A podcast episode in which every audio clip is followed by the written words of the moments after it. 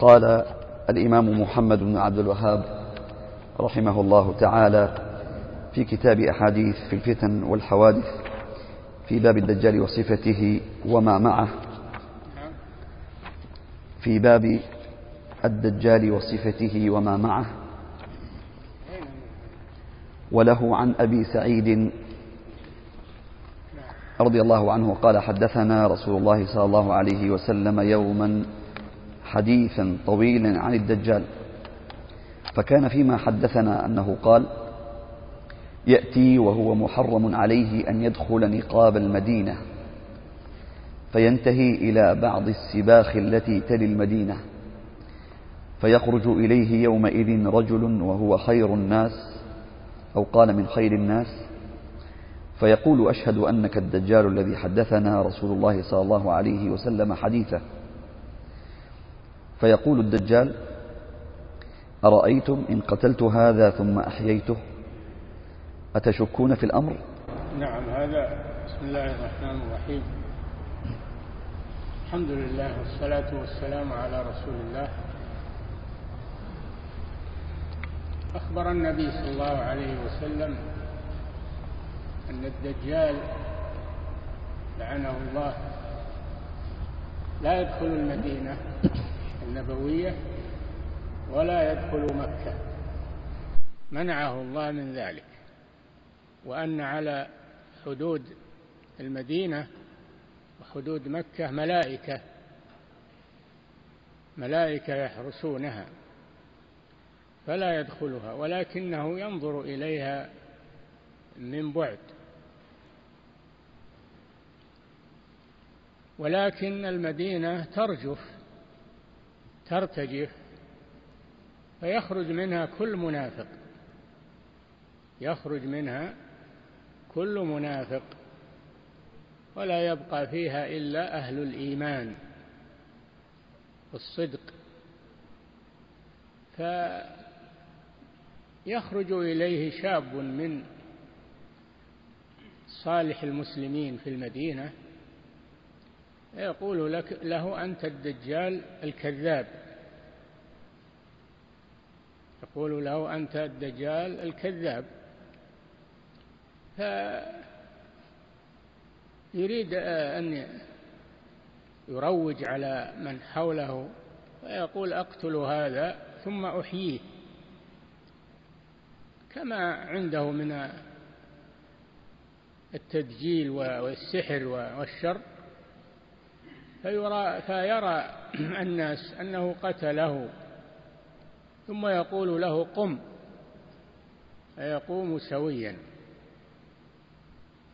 هذا من شدة الفتنة التي تأتي مع الدجال أنه يتراءى للناس أنه يحيي ويميت. هذا من شدة الفتنة ثم يقول له قم فيقوم سليما. فيقول أتؤمن بي؟ فيقول لا أنت الدجال الكذاب. فيقتله مرة ثانية فيما يظهر للناس ثم يأمره فيقوم يقول له قم فيقوم. فيقول تؤمن بي؟ ويقول لا أنت الدجال الكذاب. ثم يريد أن يقتله المرة الثالثة فلا يمكن من ذلك. لا يمكنه الله. من هذا هذه الشعوذة وهذا السحر. يكذبه ذلك الغلام وهذا الشاب المسلم ويخصمه أمام الناس ويقول له أنت الدجال الكذاب. نعم.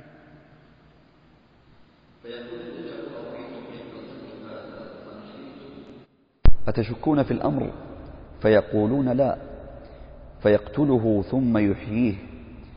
فيقول حين يحييه والله ما كنت فيك قط أشد بصيرة مني الآن. يقول الغلام إذا أحياه بزعمه ما زدت فيك إلا بصيرة. يعني ما أثر علي هذا الدجل وأنت كذاب. تأكد عندي أنك دجال كذاب وما زدت فيك إلا بصيرة أمره نعم. قال فيريد الدجال, الدجال أن يقتله فلا يسلط عليه. يأتي يريد أن يكرر قتله وإحياءه بزعمه فيعصمه الله من الدجال ولا يسلط عليه. ويظهر بذلك كذب الدجال. قال رحمه الله تعالى وله عنه أنه قال قال رسول الله صلى الله عليه وسلم يخرج الدجال فيتوجه قبله رجل من المؤمنين. يخرج الدجال فيتوجه قبله رجل من المؤمنين. فتلقاه المسالح مسالح الدجال. فيقولون له أين تعمد؟ فيقول أعمد إلى هذا الذي خرج. قال فيقولون له أو ما تؤمن بربنا؟ فيقول ما بربنا خفاء. فيقولون اقتلوه. فيقول بعضهم لبعض أليس قد نهاكم ربكم أن تقتلوا أحدا دونه؟ ربنا مقصود به الدجال يعتقدونه ربا يريدون أن خرج من المدينة. قبل أن يصل خبره إلى الدجال فيمنع بعضهم بعضا ويقول لا نقتل دون الدجال دون ربنا أن الدجال لعنهم الله هم وإياه نعم. قال فينطلقون به إلى الدجال. فإذا رآه المؤمن قال يا أيها الناس هذا الدجال الذي ذكر رسول الله صلى الله عليه وسلم. قال فيأمر الدجال به فيشبح. فيقول خذوه وشجوه فيوسع ظهره وبطنه ضربا. قال فيقول أو ما تؤمن بي؟ قال فيقول أنت المسيح الكذاب. قال فيؤمر به فيؤشر بالمئشار. من مفرقه حتى يفرق بين رجليه. ثم قال يمشي بين القطعتين. ثم يقول له قم. فيستوي قائما. قال ثم يقول له أتؤمن بي؟ فيقول ما ازددت فيك إلا بصيرة. قال ثم يقول يا أيها الناس إنه لا يفعل بعدي بأحد من الناس. نعم. ثم يقول يا أيها الناس إنه لا يفعل بعدي بأحد من الناس. قال فيأخذه الدجال ليذبحه فيجعل ما بين رقبته إلى ترقوته نحاسا فلا يستطيع إليه سبيلا. نعم يمنعه الله من قتله في النهاية. يمنع الله الدجال من قتل هذا المؤمن. ويقتل سحره ودجله وكيده أمام هذا المؤمن. نعم. قال فيأخذ بيده ورجليه فيقذف به. فيحسب الناس أن ما قذفه إلى النار وإنما ألقي في الجنة. لأن معه صورة نار ومعه صورة جنة من تمام الفتنة فالنار التي معه هي الجنة. والجنة التي معه هي النار. فيأخذ هذا الرجل إذا عجز عنه يقذفه في النار التي معه. وهو إنما قذفه في الجنة. نعم. فقال رسول الله صلى الله عليه وسلم هذا أعظم الناس شهادة عند رب العالمين. الذي وقف في نحر الرجال وأظهر كذبه أعظم شهيدا عند الله سبحانه وتعالى. نعم. قال وله عن المغيرة رضي الله عنه أنه قال ما سأل أحد النبي صلى الله عليه وسلم عن الدجال أكثر مما سألته؟ فقال وما ينصبك منه؟ إنه لا يضرك. فقال وما ينصب وله عن المغيرة رضي الله عنه أنه قال ما سأل أحد النبي صلى الله عليه وسلم عن الدجال أكثر مما سألته فقال وما ينصبك منه إنه لا يضرك قال للمغيرة رضي الله عنه لماذا تكثر السؤال عن الدجال؟ ليس لك حاجة لهذا لأنه لا يضرك نعم قلت يا رسول الله إنهم يقولون إن معه الطعام والأنهار. فقال إن معه الطعام والأنهار. فقال هو أهون على الله من ذلك. وفي رواية أي بني. نعم هو أهون على الله من أن يجعل معه أنهارا جنة حقيقية. إنما هذا من التسجيل والكذب. نعم. قال رحمه الله تعالى وله عن ابن عمرو رضي الله عنهما وجاءه رجل فقال ما هذا الحديث الذي تحدث به؟ تقول إن الساعة تقوم إلى كذا وكذا. فقال سبحان الله. أو قال لا إله إلا الله. أو قال كلمة نحوها لقد هممت ألا أحدث أحدا شيئا أبدا. إنما قلت إنكم سترون بعد قليل أمرا عظيما. يحرق البيت ويكون ويكون. ثم قال قال رسول الله صلى الله عليه وسلم يخرج الدجال في أمتي فيمكث أربعين.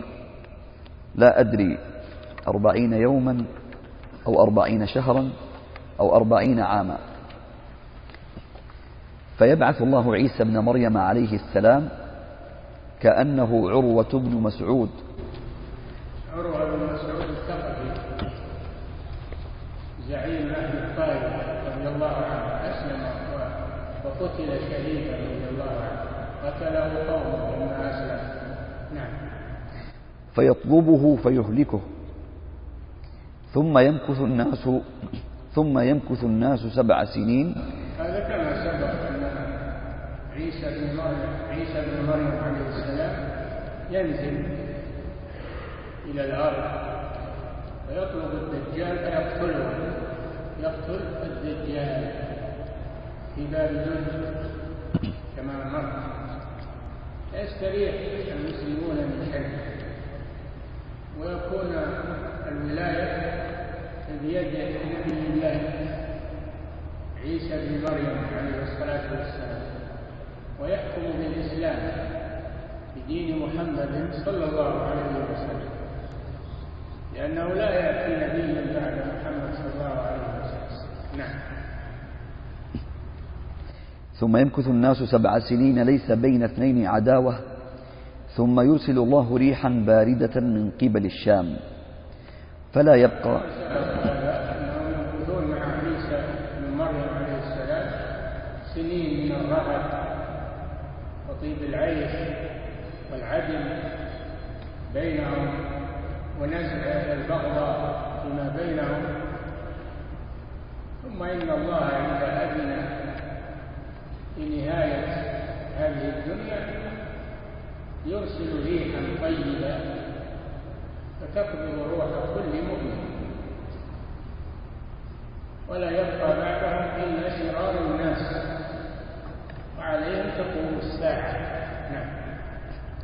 فلا يبقى على وجه الأرض أحد في قلبه مثقال ذرة من خير أو إيمان إلا بعد هذه الريح وقبل أرواح المؤمنين لا يبقى على وجه الأرض من في قلبه مثقال ذرة من خير وإيمان بل هم شرار الناس ولا يبقى في الأرض من يقول الله الله نعم إلا قبضته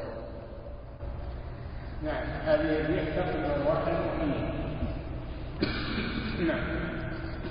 حتى لو أن أحدكم دخل في كبد جبل لدخلته عليه حتى تقبضه هذه الريح تدخل على الناس في أي مكان حتى لو أن أحدا اختفى في كهف جبل دخلت عليه هذه الريح نعم قبضت روحه بأمر الله سبحانه وتعالى. نعم. قال سمعتها من رسول الله صلى الله عليه وسلم. قال فيبقى شرار الناس في خفة الطير وأحلام السباع. لا يعرفون معروفا ولا ينكرون منكرا. فيتمثل لهم الشيطان. فيقول ألا تستجيبون؟ فيقولون فما تأمرنا؟ فيأمرهم بعبادة الأوثان. وهم وهم في ذلك دار رزقهم حسن عيشهم. ثم ينفخ في الصور فلا يسمعه أحد إلا أصغى ليتا ورفع ليتا. نعم. تبقون عبدة للأصنام بأمر الشيطان تعود عبادة الأصنام ومع هذا ينعم الله عليها ينعم الله عليهم ثم تأتي النفخة نفخة الصور نفخة الفزع لأن الصحيح أن النفخات في الصور ثلاثة. نفخة الفزع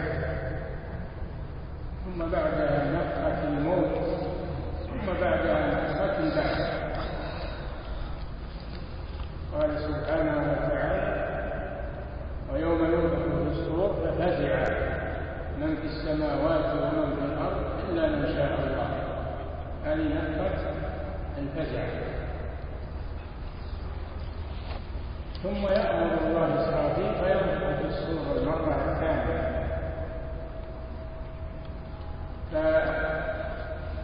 فتقبض أرواح الأحياء ولا يبقى إلا من شاء الله.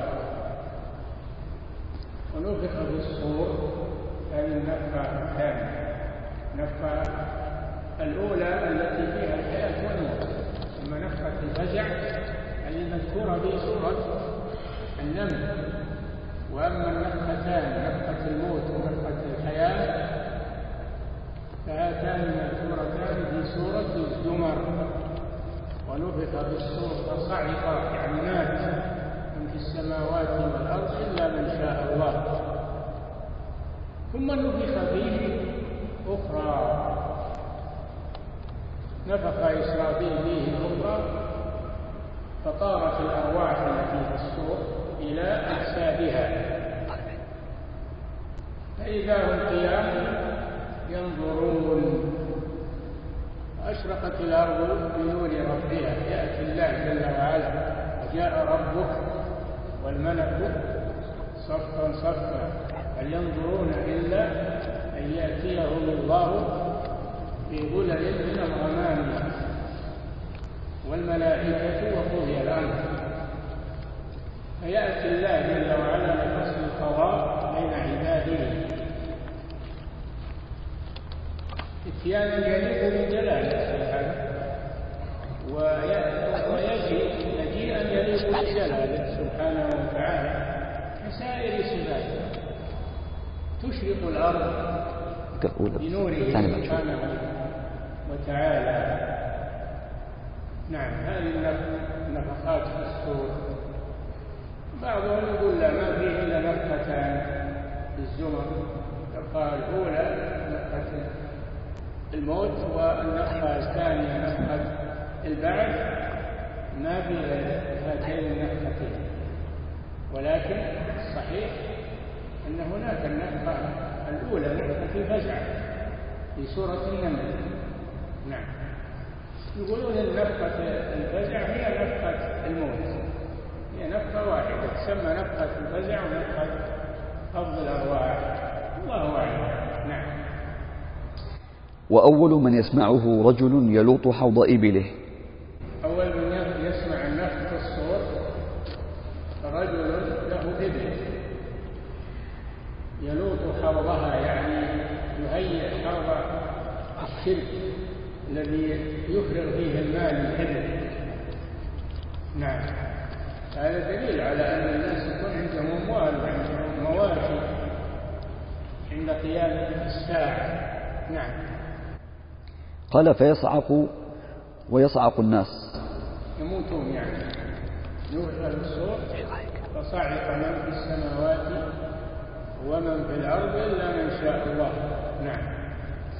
ثم قال يرسل الله أو قال ينزل الله مطرا كأنه الطل أو قال الظل نعمان الشاك فتنبت منه أجساد الناس.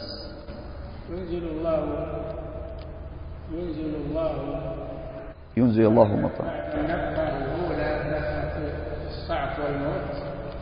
ينزل الله مطرا من السماء. مطر من السماء. تنبت منه أجسامه. تتكامل أجسامه. إلا أنها لا أرواح فيها. يقولون حتى لو مررت على الرجل وأنت تعرفه في الدنيا لقلت هذا فلان. يعود كما كان خلقه وتركيبه وجسمه وشبهه يعود كما كان إلا أنه لا أرواح فيه.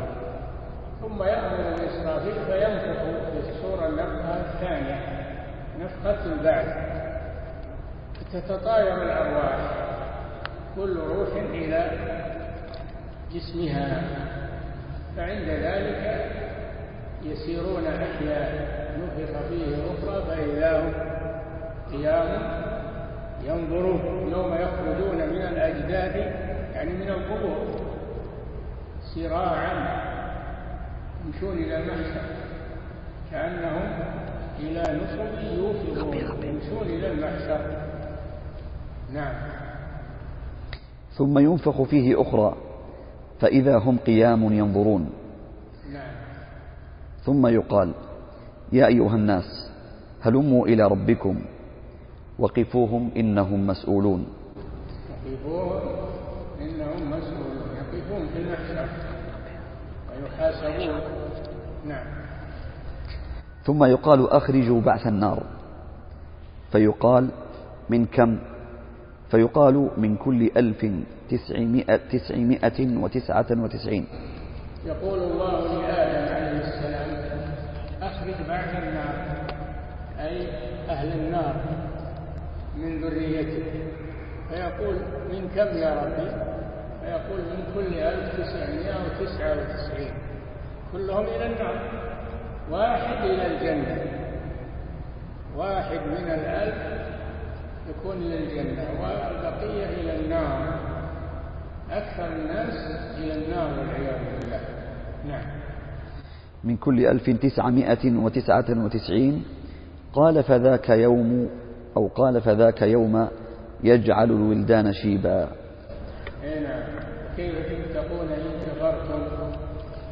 يوما يجعل الولدان أي الأطفال شيبا؟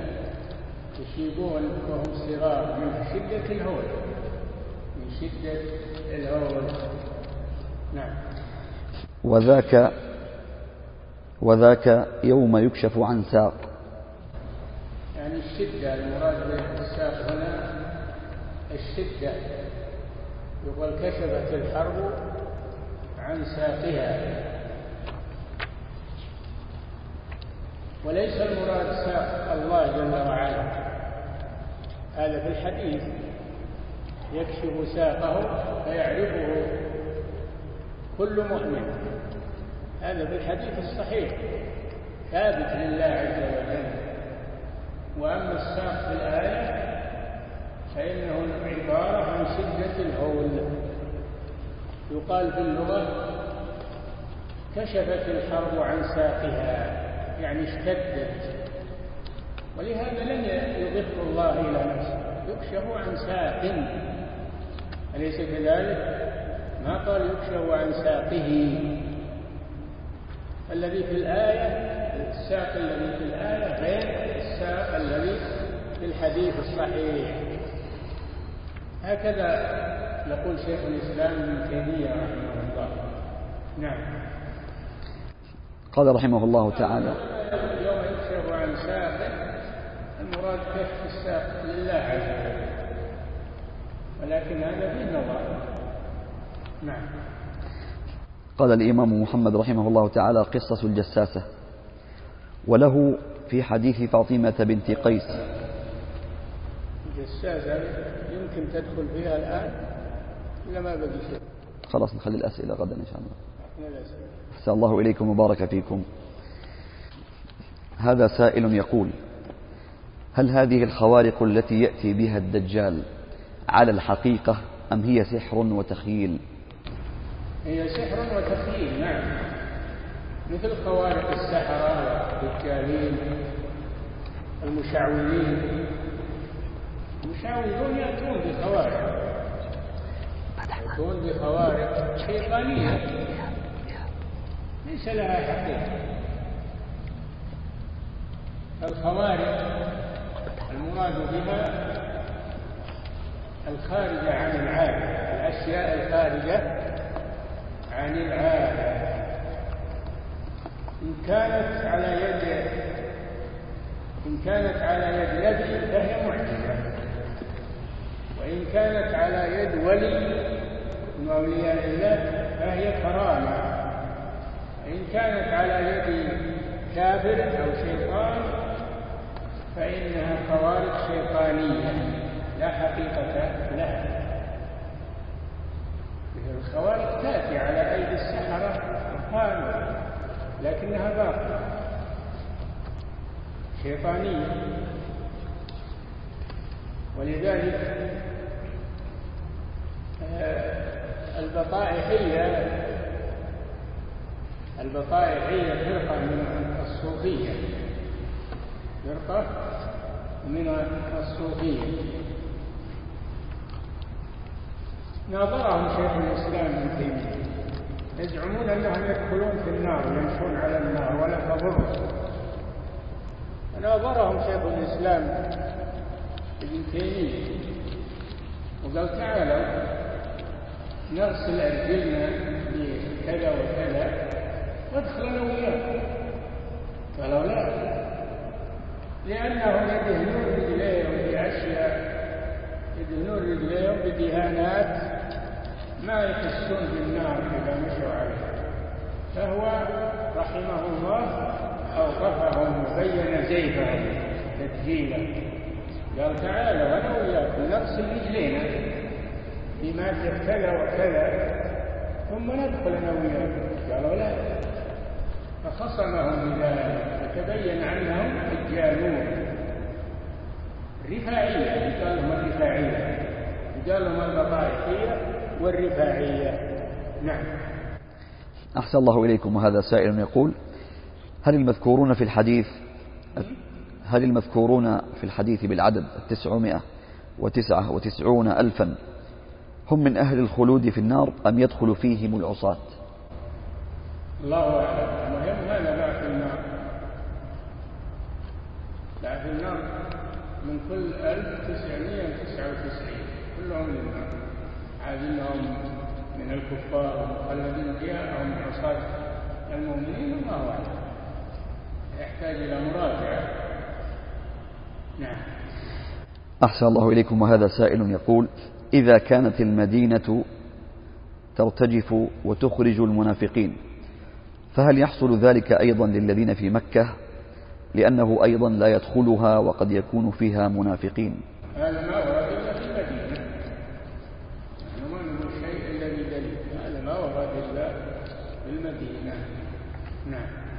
وهذا سائل يقول هل النبي صلى الله عليه وسلم ظن أنه سيخرج الدجال في زمانه ثم أعلم أنه لن يخرج في زمانه؟ ما ندري عن هذا. ما من نبي قبل نبي ما من نبي إلا حذر أمته الدجال. كان أشدهم تحذيرا نبينا صلى الله عليه وسلم. لأنه يخرج في آخر الزمان. ويخرج في أمته عليه الصلاة والسلام فهو أشد الأنبياء تحذيرا من الدجال. نعم. أحسن الله إليكم. وهذا سائل يقول هل يأجوج ومأجوج سيكون لهم سبب في نقب السد الذي أقامه ذو القرنين أم أنه بأمر إلهي فقط قال هذا رحمة من ربي فإذا جاء وعد ربي جعله دكاء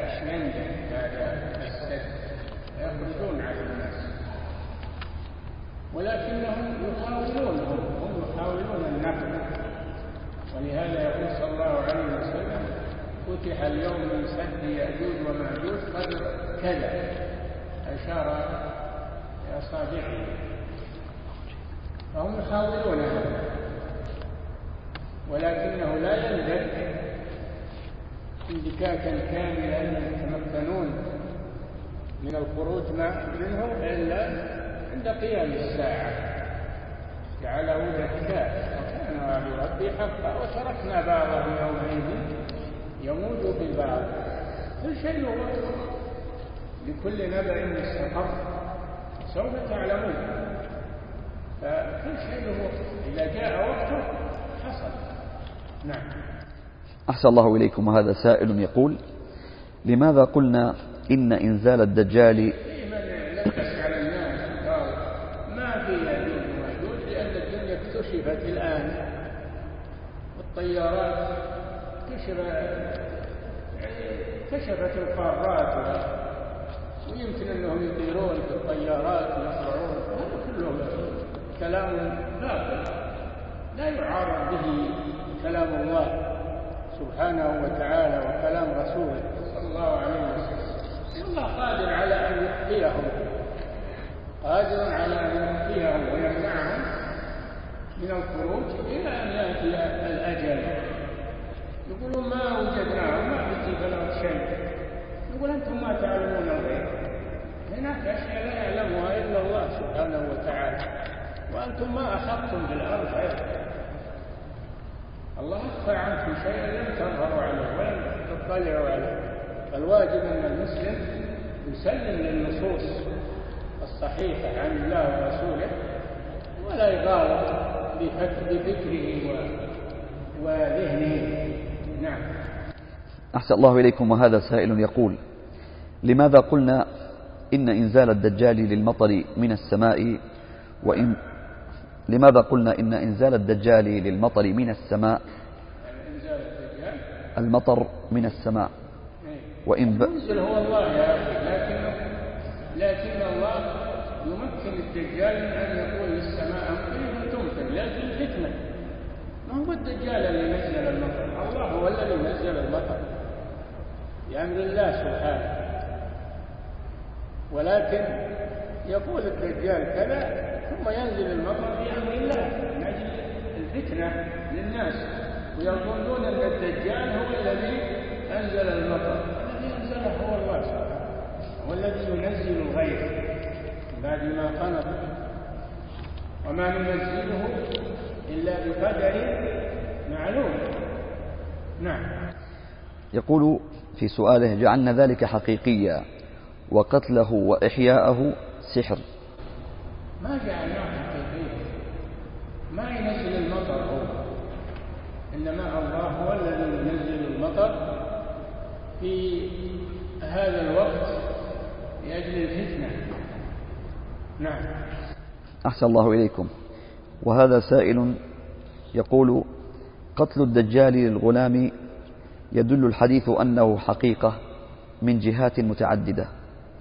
الأولى شهادة الغلام بذلك بقوله إنه لا يفعل بعدي بأحد من الناس. كل تدجيل كل تدجيل قتله ما صحيح. إنما على أنظار الناس كذا على أنظار الناس كذا كل تدجيل سحر. والسحرة يعملون أشياء عجيبة. ما جرت بها العادة حسب عرف الناس. ما جرت بها العادة خوارج شيطانية. يجريها الله على أيديهم بالفتنة نعم. أحسن الله إليكم. يقول ثانيها أن الدجال يأمر أصحابه فهم الذين ينشرونه. لا ما هم اللي ينشرونه. هو يأمر بقتله أو يقتله ثم يحييه ويقيمه على أنظار الناس. هذا كله تدجير على أنظار الناس. نعم. ثالثها قول النبي صلى الله عليه وسلم إنه خير شهيد. لأنه صبر. وكذب الدجال. لأنه صبر على إيمانه ولم يستسلم لسحر الدجال وكيده وثبت على إيمانه. نعم. أحسن الله إليكم. وهذا سائل يقول هل في قول النبي صلى الله عليه وسلم إن يخرج وأنا فيكم فأنا حجيجه؟ دليل على أن النبي صلى الله عليه وسلم لا يعلم وقت خروجه في آخر الزمان؟ الرسول لا يعلم إنما علمه الله سبحانه وتعالى. الرسول لا يعلم لا يعلم السماوات والأرض الغيب إلا عالم الغيب فلا يظهر على غيبه أحدا إلا من ارتضى من رسول يطلعهم الله الرسل على بعض الغيوب لأجل إقامة الحجة على الناس من باب المعجزات. نعم. وهذا سائل يقول هل يكون عيسى عليه السلام من الذين يقبضون بالريح الطيبة؟ نعم يموت عيسى عليه السلام يموت وإن من أهل الكتاب إلا ليؤمنن به أي بعيسى عليه السلام قبل موته قبل موت عيسى. ويموت في آخر الزمن إذا حان أجله كل نفس ذائقة الموت. نعم. أحسن الله إليكم. وهذا سائل يقول ما التوفيق بين رواية أن عيسى عليه السلام يمكث سبع سنين ورواية أنه يمكث أربعين سنة؟ أربعين سنة؟ نعم. وين رواية الأربعين سنة؟ ما ذكرها. يجيب لنا رواية أربعين سنة. نعم. أحسن الله إليكم. وهذا سائل يقول هل صحيح أن النبي صلى الله عليه وسلم يجتهد فيما لا نص فيه كما يقرره بعض الأصوليين؟ نعم. هل صحيح أن النبي صلى الله عليه وسلم يجتهد فيما لا نص فيه؟ كما يقرره بعض الأصوليين. نعم قد يجتهد الرسول صلى الله عليه وسلم ثم ينزل الوحي فيؤيد اجتهاده صلى الله عليه وسلم. فهو يجتهد عليه الصلاة والسلام أحيانا وينزل الوحي فيصدق اجتهاد الرسول صلى الله عليه وسلم. نعم. يقول في سؤاله وإن أخطأ لا يقر على ذلك؟ كما جاء في حديث أسارى بدر. نعم يجتهد عليه الصلاة والسلام ويكون الصواب خلاف اجتهاده صلى الله عليه وسلم كما في أسارى بدر. لما أسروا سبعين من المشركين. عمر رضي الله عنه يرى قتله. أشار على النبي صلى الله عليه وسلم بقتله. والصديق أبو بكر أشار على النبي صلى الله عليه وسلم بقبول الفداء منهم. فنزل الوحي يؤيد رأي عمر رضي الله عنه هذا مما وافق فيه عمر الوحي. قال تعالى ما كان لنبي أن يكون له أسرى حتى يثخن في الأرض. تريدون عرض الدنيا. والله يريد الآخرة. الله عزيز حكيم. لولا كتاب من الله سبق. لمسكم فيما أخذتم عذاب عظيم. الله منع العذاب عنهم لأنه قدر سبحانه وتعالى فيما سبق أنه لا يعذب أولياءه. نعم. أحسن الله إليكم. هذا سائل يقول أين يوجد الدجال الآن؟ وهل يعرف مكانه؟ والله ما ندري. ما جاء بيان الدجال يوجد في مكان كذا وكذا وأرض الله واسعة وين يوجد يأجوج وماجوج الآن؟ الله أعلم. لكن نؤمن بذلك. إن ما أحطنا بملكوت الله عز وجل. نعم. وهذا سائل آخر يقول ألم يثبت في الصحيح أنه لما عظم على الصحابة هذا العدد الذي يدخل النار قال لهم ذاك من يأجوج ومأجوج؟ نعم هو كذا يعني إن هذا العدد كل 1999 فيهم يأجوج ومأجوج. هم عدد كثير نعم. أحسن الله إليكم. وهذا سائل يقول جاء في الحديث أن الإنسان إذا كان في صحراء وضاعت إبله أنه ينادي يا عباد الله أعينوني. يا عباد الله احبسوا. يا عباد الله احبسوا. إن لله ملائكة. يعني يمسكون الضال له هذا ورد نعم. ولكن هذا من المتشابه هذا يعتبر من المتشابه الذي يرد إلى المحكم. والمحكم يدل على أنه لا يستعان بالغايب ها؟ نعم. لا يستعان بالغايب ولا بالميت. لا يستعان بالغايب ولا بالميت ولا بالعاجز الذي لا يقدر على ما تطلب منه.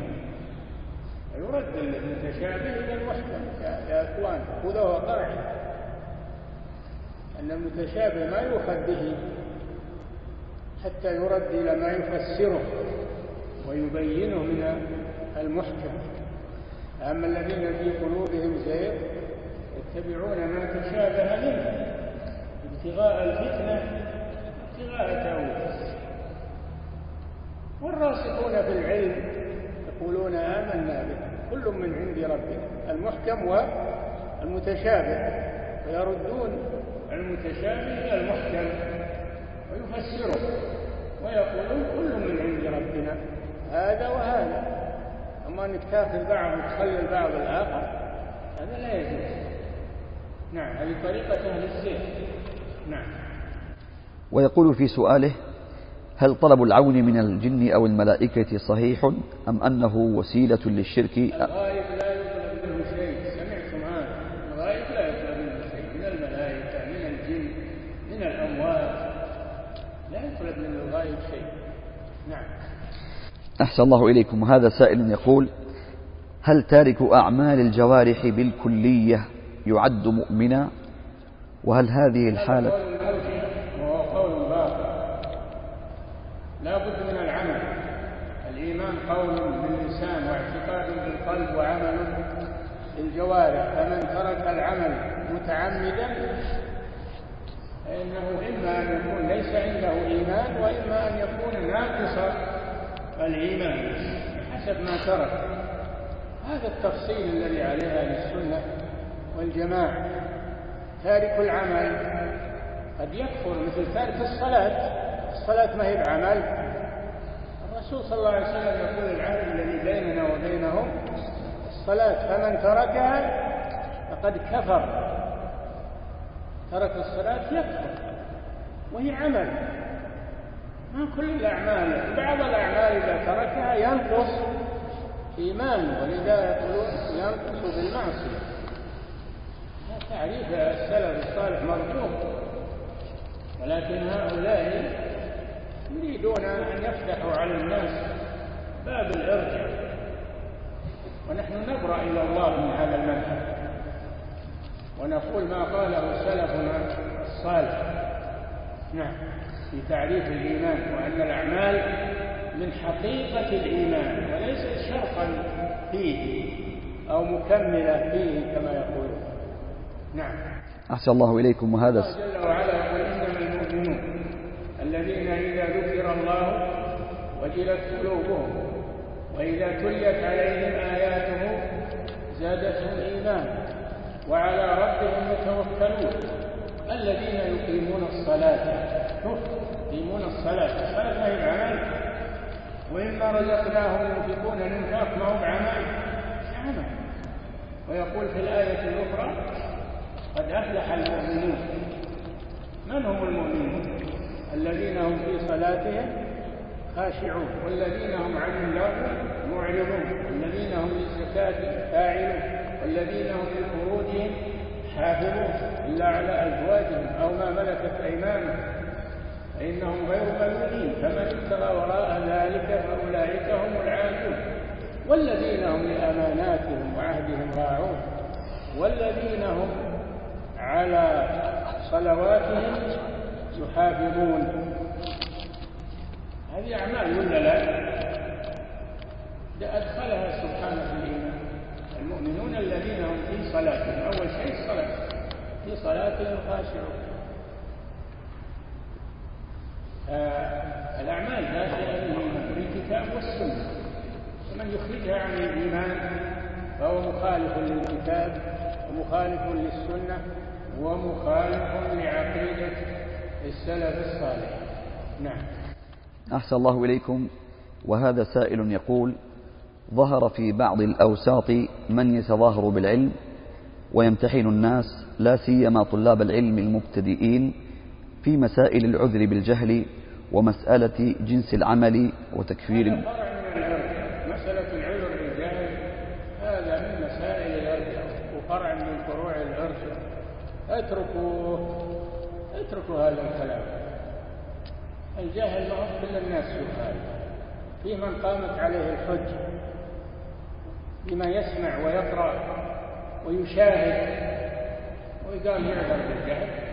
يعذر بالجهل المنقطع الذي لم يبلغه شيء. منقطع في الأرض ما بلغه شيء لا قرآن ولا سنة. هذا هو الذي يعذر بالجهل.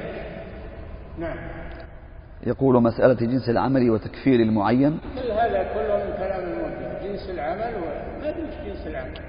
جنس العمل. العمل كله هذا العمل الصالح كله من الإيمان. والتفاصيل هذه؟ ما عليها دليل. كلها من أقوال المرجع فاتركوها. نعم. ويوغر الصدور على كبار العلماء. ويوغر الصدور على كبار العلماء. الله حسيبه. اللي يحرش بين ويسب العلماء وأهل الخير. هذا الله حسيبه. نعم. نختم بهذا السؤال. تقول السائلة لدي صديقة توفي زوجها وهي في فت وهي في فترة العدة لديها صديقة توفي زوجها وهي في فترة العدة. ولديها شيب في شعرها. شيب. في شعرها. وبسبب الشيب يكون عندها يكون عندها حكة في رأسها. هل لها أن تضع الحناء والسدر؟ العدة عدة عدة رجعية ولا عدة باين ها؟ توفي زوجها. اي توفي زوجها وهي في العدة. إيش العدة هذه؟ كانت رجعية فهي زوجة تعتد للوفاة. تبدأ عدة الوفاة من جديد. لأنها زوجة ما دامت في العدة. أما إن كانت بائنا فليس عليها عدة وفاة. تعتد للطلاق طلاق البائن.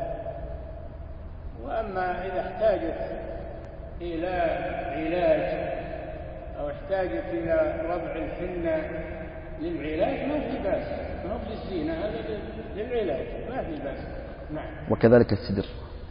وكذلك السدر يعني. السدر طيب ما, ما فيه لا فيه طيب ولا فيه إنما هو منظف فقط مثل الصابون. نعم. أحسن الله إليكم وبارك فيكم. مؤسسة الدعوة الخيرية الدعوة إلى الله هدفنا والتقنية الحديثة وسيلتنا.